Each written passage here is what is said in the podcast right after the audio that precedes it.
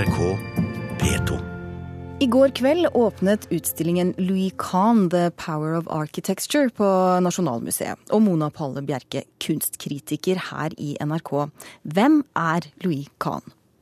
Ja, dette er eh, da en av de mest markante arkitekter i det 20. århundre. Han er amerikaner. Han eh, var basert i, i Philadelphia og er, tilhører den sene modernismen. Og han er jo da Altså, han er en litt atypisk modernist, får man si. For han har disse monumentale, litt arkaiske, litt uh, massive volumene. Han har ikke den lettheten som veldig mye, mye er dyrket i modernismen. Uh, samtidig så har han denne kombinasjonen av de uh, tidens feirede materialer, som f.eks.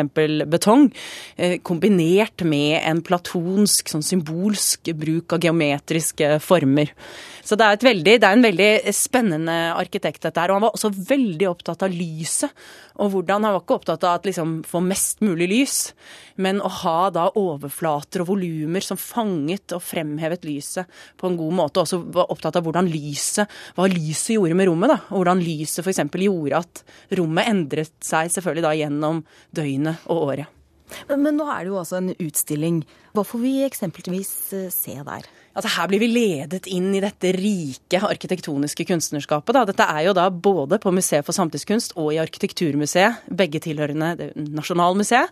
Og vi går da først inn i hans tidlige karriere og inn i hans liv, faktisk. Det er en del sånn kuriosa her, sånn som en gammel årbok fra skoledagene, hvor det også allerede står at han i fremtiden skal bli arkitekt. Vi kan se hans gamle koffert fra hans dannelsesreise rundt i Europa. Så vi blir kjent med han som person også, altså? Helt klart klart. Og I tillegg så er det selvfølgelig et vell av skisser og tegninger. Det er modeller, det er fotografier som formidler hans, eh, hans uh, arkitektur osv. Og, og det som er morsomt, er at de bruker veldig mye forskjellige typer modeller i denne utstillingen. Både det vi kan kalle prosessmodeller, som gir oss et innblikk i den formgivende prosessen, men også presentasjonsmodeller. Du nevnte fotografier. Er det sånn at vi ser eh, bilder av, eh, av bygningene, verkene hans? Ja, helt klart på veggene. Mye fantastisk arkitekturfotografi. Og så er det også en del større modeller, og det er morsomt. Det er en 1-50-modell av eh, City Tower-prosjektene som aldri ble realisert. Og det er selvfølgelig da 1-50, så det er jo lite i forhold til det, det planlagte tårnet, som var enormt. Men det er jo enormt i rommet, slik det oppleves i rommet. Og når vi da har disse, disse litt større modellene, så får vi en mye mer romlig opplevelse av arkitekturen. Du sa jo at eh, utstillingen fortsetter i, nabobygningen. Det er ikke bare i Museet for samtidskunst, det er også på Arkitekturmuseet. Særlig der. Hva, hva får vi der? Ja, Da går vi videre inn i hans prosjekt. og Her får vi f.eks. se en én-til-én-modell, altså en modell i naturlig størrelse. Og det er da, da har de gjenskapt et lite hjørne i en eh, villa som heter Norman and Doris Fisher House uh, i Pennsylvania. Og her er det da en benk i sedertre og eik musikk og en vindusnisje.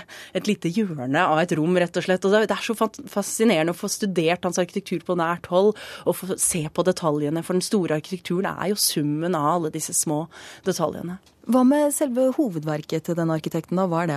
Ja, Vi kan nok si at det er den praktfulle parlamentsbygningen i Dhaka i Bangladesh, som da er laget mellom 1962 og 75. Og dette er jo en veldig godt eksempel på hvordan man bruker geometrien. Her, en, den har da en sirkulær kjerne, og så er det da omkranset av da dels eh, runde eller halvrunde elementer, sånne rotunder, og eh, rektangulære elementer. Så det blir liksom som en kjempesteinborg torg, omkranset av et vannspeil. Og Her bruker han også vannet sant, til å reflektere lyset og få, gi bygningen en ulik karakter på forskjellige tider av døgnet. Og også interiøret er veldig avhengig av lyset, hvor han har et lysinnfall som skaper sånne intrikate skyggevirkninger. Dette er også en spennende bygning fordi den var jo påbegynt mens Bangladesh lå under Pakistan, men ferdigstilt etter løsrivelsen. Og så er den liksom blitt til et sånn sterkt symbol for denne da nye, selvstendige demokratiske republikken. Hva da med andre ting på utstillingen, er det noe som bør trekkes spesielt fram? Jeg syns det var veldig morsomt å se det aller siste virkeliggjorte arbeidet hans fra i fjor, som er da eh, Franklin Roosevelt for Freedom Park i East River rett utenfor Manhattan. Og det er et kjempeflott minnesmerke over denne store presidenten. Så, og den blir vist, da bygningsprosessen blir vist i rask film. Så det er også en veldig fin inn, man får en fin innsikt i den prosessen. Da. Helt til slutt, Mona, har det blitt en spennende utstilling? Jeg syns dette er en kjempeflott utstilling. Jeg har gledet meg ukevis, og jeg ble absolutt ikke skuffet. Ja, takk skal du ha, Mona Palle Bjerke, kunstkritiker her i NRK. Og vil du som hører på se bilder fra utstillingen, så finner du dem på vår nettside nrk.no. Hør flere podkaster på nrk.no podkast.